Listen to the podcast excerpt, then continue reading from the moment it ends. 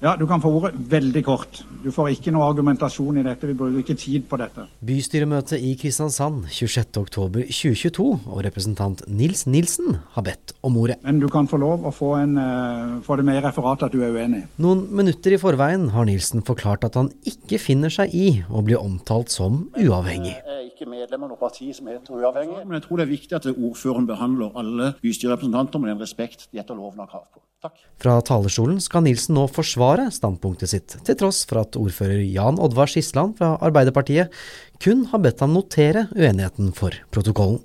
Ordfører, jeg tror det er viktig at uh, vi bruker tid av og til uh, på dagsordenen også. Uh, spesielt når det ser ut til å være et problem også for bevisstgjørelsens ledelse. Vet du, Hvis du ikke forholder deg til at du ikke kan argumentere nå, så må du bare sette deg umiddelbart. Som, ordfører, hvis du vil ta ordet, så må du ta det fra denne stolen når jeg er ferdig. Det er meg som styrer ordet. Så, dette er argumentasjon. Eh, det som er interessant her sette deg umiddelbart. Det som er interessant her, ordfører eh... Vi har den mikrofonen, og du setter den nå. ja ja, vilkårlig behandling. Jeg tror du mangler eh, forståelse. Fint du tar ordet her. Vær så snill å sette deg. Det mangler en grunnleggende forståelse for hvordan vi opererer i et bystyre. Du det, du gjør jeg ikke. På veien ned her, så kommenterer ikke du. Du går der. Jeg sitter her og styrer ordet. Det gjør du ikke.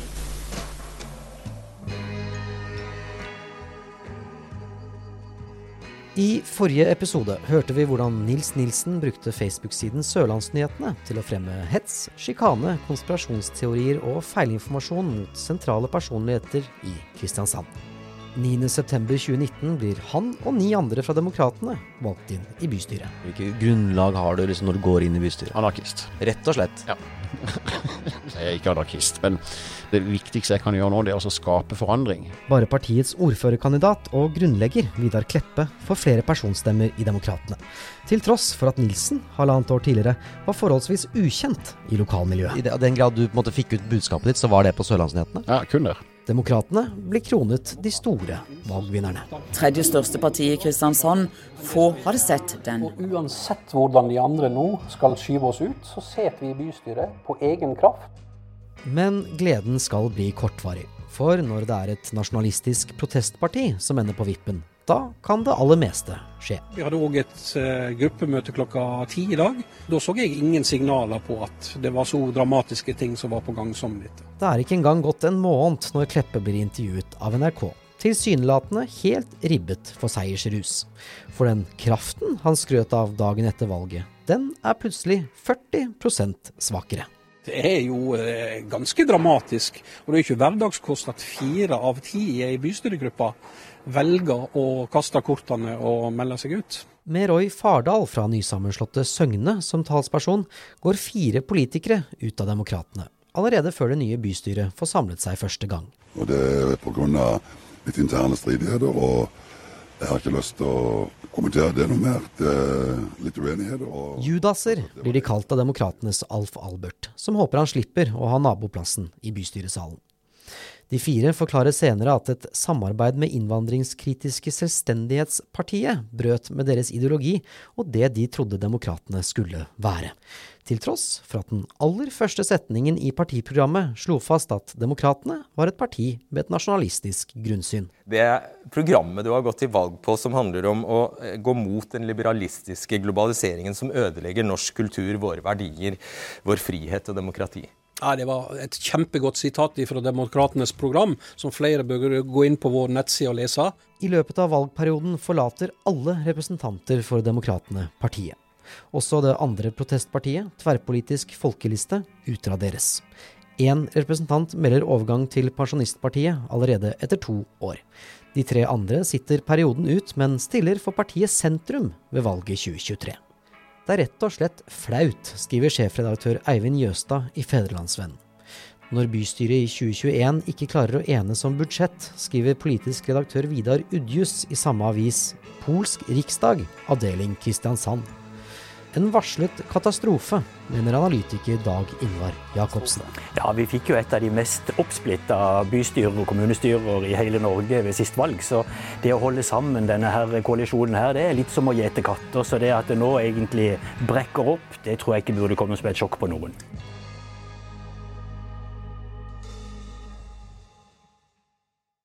Det har vært vanskelig å samle flertall Eh, og det har vært veldig uryddig pga. et stort antall representanter i bystyret som, som har vært mer opptatt av sånn som jeg oppfatter det, iallfall å få oppmerksomhet og markere eget parti og egne synspunkter. Etter valget er det Jan Oddvar Skisland fra Arbeiderpartiet som blir ordfører i Kristiansand. Jeg har brukt uh, mer krefter uh, disse årene enn jeg har gjort på noen andre jobber jeg har hatt. Dette har uh, tappa mye av energien min. Allerede fra start oppstår det trøbbel for det nye bystyret. To uker etter valget har de aller fleste kommuner blitt enige om hvem som skal styre. Men ikke i Kristiansand. Der er det fremdeles fullt kaos. I Politisk kvarter 26.9.2019 oppsummerer daværende ordfører Harald Furre problemet. Demokratene har gjennom de siste årene kjørt en veldig tøff valgkampanje mot eh, de partiene som har hatt flertall i bystyret, og mot meg som person. Eh, så det er unaturlig for oss å innlede noe formelt eh, samarbeid med demokratene. Med sine ti representanter har demokratene havnet på vippen, men vil ikke velge side. Jeg er villig til å sitte meg ned og se alle i øynene fra alle politiske partier for å finne fram til en god politisk løsning for nye Kristiansand. Betyr dette at du ikke har bestemt det i det hele tatt? Du, det er jo ikke jeg som bestemmer alt i Demokratene. Det er vår bystyregruppe på hele ti representanter som skal avgjøre dette her. Men det tar altså ikke lang tid før Demokratene bare har seks representanter igjen og mister plassen på vippen. Når Roy Fardal og de tre andre forlater partiet, støtter de Skisland fra Arbeiderpartiet som ordfører. Et vaklevorent flertall med én representants overvekt er født. Dette er fire uavhengige representanter som har kommet til oss og sagt de ønsker å, å være med på vår plattform og i vårt fellesskap. De tenker jeg er med på lik linje som alle andre. Men mange er jo skeptiske til dette flertallet, at dere vil få store eh, problemer og bl.a. budsjettet skal uh, lages. Ja, altså budsjettet er alltid krevende når en ikke har uh, et, et, parti. Men dette er vi innstilt på at vi skal, vi skal prøve å jobbe ut et budsjett sammen, vi 36. Og så håper vi å få flere med til å støtte det. Nei, Det ble jo vanskelig, for da var vi jo syv, eh, syv ulike partigrupper som skulle forhandle inn. og det, eh, det ble jo alt fra 100 eh, 000 til kattepensjonater, til, til mat til, til tanta på sykehjem som skulle presses inn. Og det ble jo veldig tidlig at en kom i den situasjonen at det ble trua med at hvis ikke jeg får gjennom mitt, så går jeg. Og det kunne jo hver eneste en av disse representantene gjøre, og spesielt de, de, fire uavhengige. Det var jo nok at en av de sa at hvis ikke jeg får det som jeg vil, så går jeg. Hvordan jobba du med å få alle til enighet rundt det? Måtte du bare gi det dem vi har, eller? Nei, det var jo en kombinasjon. og det er klart uh, Gruppelederen uh, i Arbeiderpartiet brukte jo helt vanvittig med tid på, på enkeltpersoner. Men vi måtte jo smøre dette budsjettet med mindre, mindre saker som var mer personlig orientert. ja, I den grad du kan kalle det et samarbeidsklima, så var det vel relativt dårlig. Jeg var mer prega av en sånn type, la meg kalle det litt sånn politisk panikk. Dag Ingvar Jacobsen er professor ved Universitetet i Agder og ekspert på lokaldemokrati. Han har vært valganalytiker for Sørlandspressen i en årrekke, og sto i studio både hos NRK og Federlandsvennen valgnatta egentlig kan vi si vi fikk inn en, en del glade, men, men uh, intense og veldig interesserte amatører. Det er jo også en av de store styrkene med demokratiet, og kanskje først og fremst lokaldemokratiet, der det er lettere å komme inn uh, i styrende organer. Så, sånn sett så er det en åpning for å vise at ja, dette er åpent for, for mange flere enn bare den lille eliten av de som er sentrale i partiet og har vært det liksom siden ungdomspartiet. Det som jo selvfølgelig da skjer, er jo også at når disse mangler en sånn grunnleggende forståelse av kutyme, regler, så, så, blir det mye eh, bråk. Det blir mye som blir oppfatta som åh, oh, herregud, skal vi drive med dette en gang til? Har de ikke liksom skjønt at dette er ikke noe vi skal holde på med? Og så videre. Så det, det, det gjør jo også da at det blir et mye mer rufsete eh, politisk debatt. Når Nils Nilsen blir valgt inn, fortsetter han den harde retorikken vi hørte om i forrige episode. Allerede etter noen måneder tar ordfører Skisland sitt første oppgjør med Sørlandsnyhetene. Kristiansand er ikke et sted hvor usannheter, hets og sjikane, slik en har funnet det bl.a. på Sørlandsnyhetene, skal være akseptabelt eller vanlig. Og altfor mange mennesker har blitt såra, hetsa og mobba. Og det er ikke bare hva Nilsen sier som skiller seg fra andre. Takk for det, ordfører. For ikke mer enn eh, et par uker siden, eller en uke siden så ble jeg sjøl beskyldt for å være både terrorist, en fare for demokratiet Det er også hvor ofte Nilsen har noe å si. Kristiansand kommunes videoarkiv gir et bilde på hvor mye Nilsen tar ordet. I 36 av bystyremøtene siden valget er antall innlegg per representant registrert.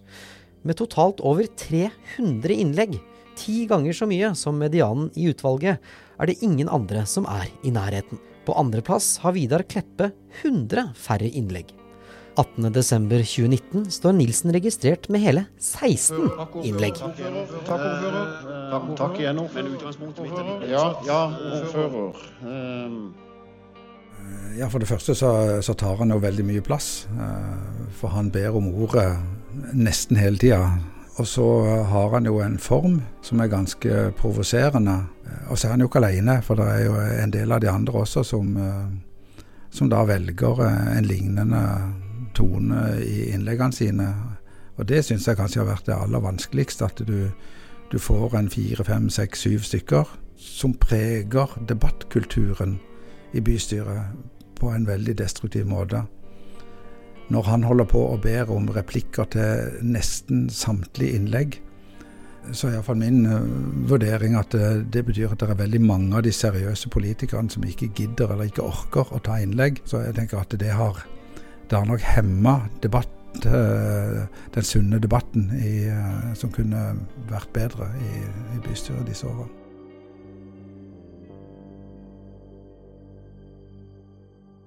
Mange vil nok oppleve at dette blir kaotisk fordi man ikke gir seg. Men eh, hva var da alternativet? Vi ønsker virkelig å debattere det. Og vi er jo deres på vegne av velgerne og på, på vegne av demokratiet. Og ukulturen har jo vært at eh, man ikke diskuterer eh, de tingene som er viktige, og så er man stadig vekk på stor krangel om et garasjetak. ikke sant? Og da, da, har det gjerne blitt rabalder og at eh, ja, men dette er da helt nødvendig, unødvendig, og dette gjør det bare for å trenere og dette. Men det har aldri vært sånn. Altså Man spør jo fordi at man mener at her er det noe feil. Her er det noe vi trenger å bli opplyst om. Her er det noe som, som eh, vi, vi, ønsker å vite mer om før vi godtar eh, det som skjer. I løpet av sin tid i bystyret representerer Nilsen tre forskjellige partier.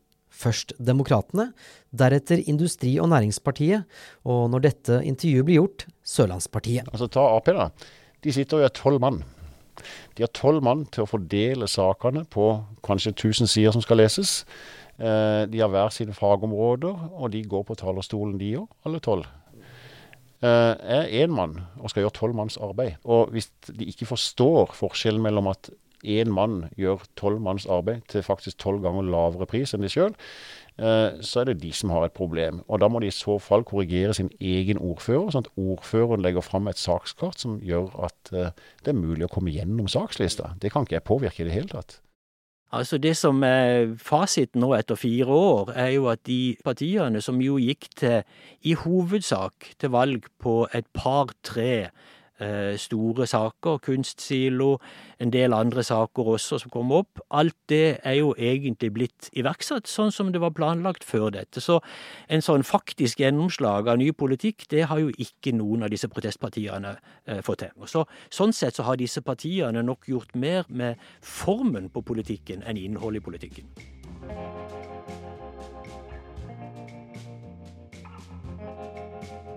Noen dager etter valget skriver Demokratenes Vidar Kleppe på Sørlandsnyhetene sitat Tusen takk for støtten. Demokratene vil alltid sette folket først i alt vi gjør politisk. Sitat slutt. Vedlagt kommentaren et bilde av Kleppe med teksten 'Demokratene sier nei til kunstsiloen i Kristiansand'. Også Sørlandsnyhetene selv kommenterer valget etter at Skisland blir valgt til ny ordfører. SN har som eneste medium aldri tvilt på det resultatet vi nå har fått, og som vi har jobbet for hele tiden, skriver de. I et intervju med NRK etter valget levner Nils Nilsen liten tvil om hvem han mener har æren for valgresultatet. Det har vel så vidt meg bekjent i hvert fall ikke vært sånn at ei Facebook-side har klart å snu 20% av byens innbyggere i valgsammenheng. Også Gunnar Stavrum, sjefredaktør i Nettavisen og avisen Kristiansand, uttaler i Dagsnytt 18 at Sørlandsnyhetene mer eller mindre alene skal ha æren for det politiske sjokket. De drev med en personsjikane og en blanding av løgner, halvsannheter og noen sannheter i en salig saus, og klarte å gjennomføre et politisk kupp i Kristiansand. Stemmer det Stavrum og Nilsen sier her? Var det virkelig Sørlandsnyhetene som sto ansvarlig for en av de største valgbombene i moderne norsk historie?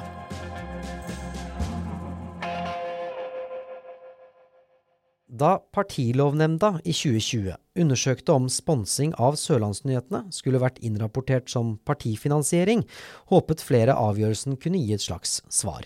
Men som de skriver i konklusjonen, sitat, bare en detaljert gjennomgang av regnskaper med videre fra Facebook-siden Bransdal Invest og Bransdal personlig ville ha gjort det mulig å identifisere slike bidrag og bedømme beløpenes størrelse.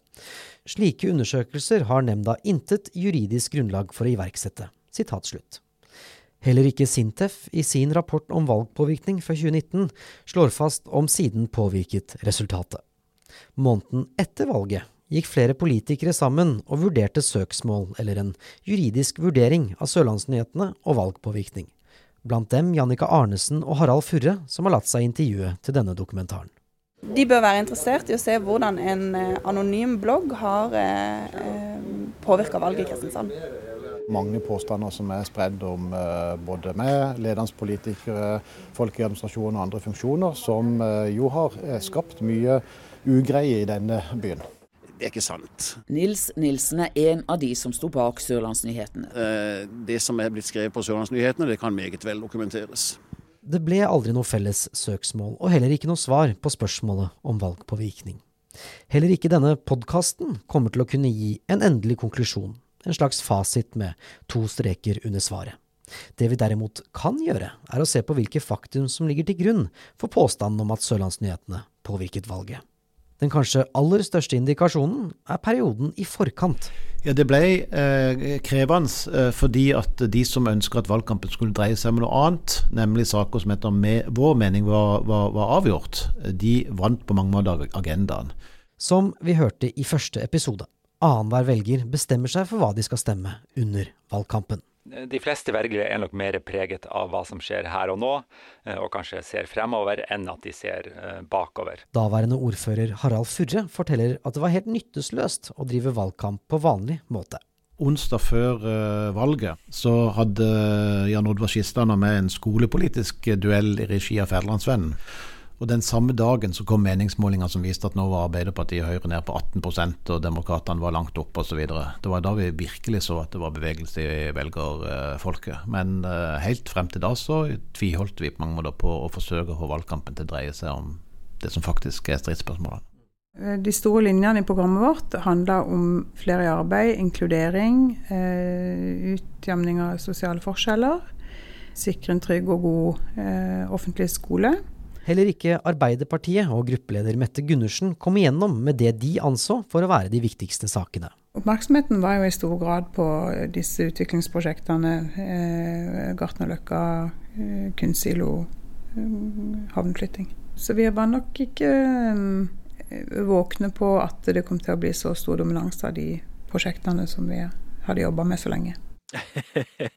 ja, det ble, en, eh, det ble jo en overraskende valgkamp. Professor Dag Ingvar Jacobsen forteller. Den ble jo egentlig dominert av tre grunnleggende store saker. Kanskje den aller største saken her var den såkalte kunstsiloen. Så fikk vi da to andre store saker, som kanskje først og fremst knytta til utbygging av E18 eh, e gjennom Kristiansand.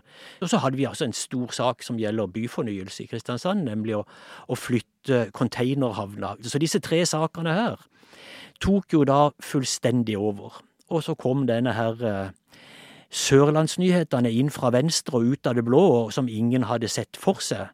Eh, som på mange måter forsterka disse sakene gjennom en rekke fortellinger om korrupte politikere, forhandlinger på bakrommet og hva det nå måtte være for noe. Det var mange fantasirike historier. Sånn at egentlig så forsvant de store partiene i dette. De som hadde forberedt en, en, en valgkamp basert på klassiske saker og partiprogram, det drukna fullstendig i disse tre sakene, som selvfølgelig da ble fanga opp av det vi kan kalle protestpartiene. Tverrpolitisk liste, Demokratene, Pensjonistpartiet, en del andre. De fleste av oss var jo der at vi tenkte at nei, dette er så grovt at velgerne umulig kan uh, tro på det som står der. Så viste det seg at det var en uh, 10, kanskje opp mot 20% av velgerne som faktisk uh, la vekt på dette og den virkelighetsbeskrivelsen. Fire måneder før valget bestiller Høyre i Kristiansand en undersøkelse av responsanalyse. Hvor mange har egentlig tillit til Sørlandsnyhetene og det som står skrevet der? Av de litt over halvparten som har hørt om Facebook-siden, svarer 29% at de har svært eller nokså stor tiltro til informasjonen som står der. Jeg husker vi hadde en uh, ivrig valgkampmedarbeider i Høyre som gikk på husbesøk uh, og kom tilbake litt sånn sjokka. For han hadde truffet en person som hadde sagt at nei, jeg kan ikke stemme på Høyre med den ordføreren der. Ja, han er jo en fin fyr, hadde uh, vår mann sagt. Nei, han er jo en arrogant, fæl fyr. Ja, hvor har du det fra? Jo, jeg har lest på Sørlandsnyhetene og dette. Uh, og kom liksom sjokkert tilbake på hvordan folk uh, oppfatta meg da. Så omfattende blir kunstsilosaken under valgkampen at den sammen med bompenger blir én av to ja-nei-saker alle partier må svare på i Federlandsvennens oversikt over hva partiene mener. Min hjertesak er en kunnskapsrik og trygg oppvekst for barna våre. I videoen som følger med oversikten, forteller de store styringspartiene Høyre, Arbeiderpartiet og KrF hva de går til valg på. Min hjertesak det er god familiepolitikk. Og Vi har nå vist at vi evner å styre denne byen, og vi har endelig fått en trygg og god kommuneøkonomi. Kristiansand Arbeiderparti går til valg på sterkere fellesskap. For oss er det viktig at alle barn får en trygg og god oppvekst. Alle tre partiene svarer ja til både kunstsilo og bompenger. Det gjør verken Demokratene Vi vil òg eh, sette foten ned for den offentliges løsninger. Eller Folkelista. Mange av Kristiansands innbyggere er frustrerte over måten politiske avgjørelser har vært tatt på. Byråkratiske og lukka prosesser. Min hjertesak er innbyggerinvolvering. Fremskrittspartiet, eh, som er jo da det etablerte protestpartiet, hvis du går an å bruke det begrepet, de greide jo ikke å utnytte dette fordi de var veldig skeptiske til den måten som, som, som Sørlandsnyhetene uh, fungerte på. Sånn at de fikk ikke utnytta det fordi de andre småpartiene brukte dette på en annen måte, mye mer effektiv måte, og dermed gikk mye stemmer dit, og på bekostning av, av Fremskrittspartiet, som jo ikke gjorde noe særlig godt valg. De store sakene under valgkampen perioden der halvparten av velgerne altså bestemmer seg, ble drevet frem av Facebook-siden Sørlandsnyhetene. Der var det Demokratene og Folkelista som tok det politiske eierskapet.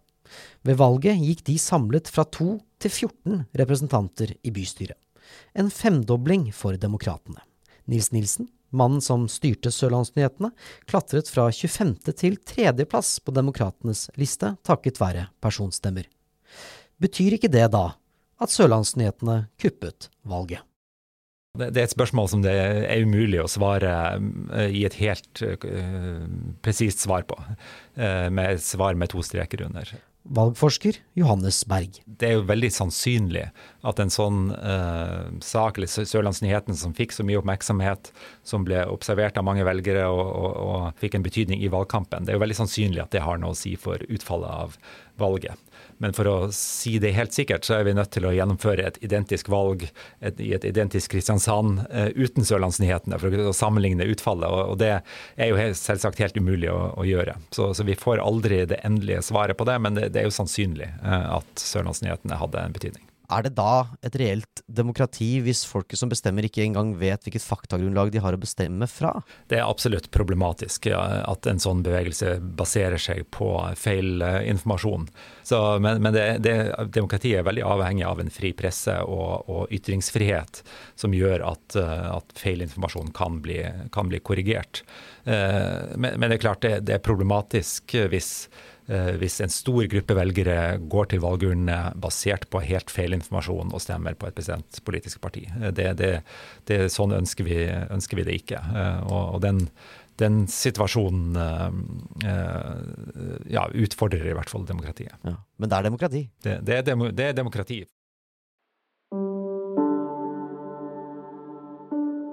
Politikken blir stadig dårligere, og mennesket blir stort sett dummere eh, av eh, enda dummere medier, herunder sosiale. Bystyrerepresentant i Kristiansand og styrmann ved roret på Sørlandsnyhetene, Nils Nilsen. Jeg anser demokratiet for å være et spill. Men i forhold til andre spill så er dette et evighetsspill. Det er ikke noe om å gjøre i hvert fall å kåre en vinner og taper, og det er heller ikke om å gjøre å komme i mål. Det eneste som er spillets formål, er utvikling. Og den gangen vi kommer dit at eh, demokratiet ikke utvikler seg, da har vi tapt alle. Den dagen vi kommer til at eh, det blir en vinner i dette spillet, så kalles vinneren for et diktatur. Og det er hele opplegget med, med Kristiansand og Sørlandsnyhetene, og egentlig demokratiet vårt òg. Det at eh, vi var i nærheten av noe som, som begynte å minne om alt annet enn demokrati. Også hva angår ytringsfrihet, ytringskultur eh, og sånne ting som det. Tror du at Sørlandsnyhetene sto for den største valgbomben noensinne i Kristiansand 2019? Ja. Trenger jeg utdype det mer?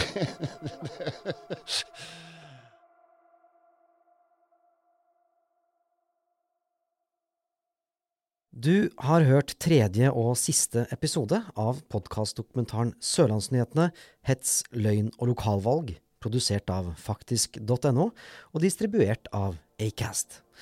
Research, intervjuer og redigering ved Eva Akebekk og meg, Nikolai Delebekk. Du har hørt lyd fra Federlandsvennen, NRK, Kristiansand kommune og Epidemic Sound. Takk til Federlandsvennen for å ha delt sitt innsamlede materiale. Denne podkasten er støttet av Fritt Ord.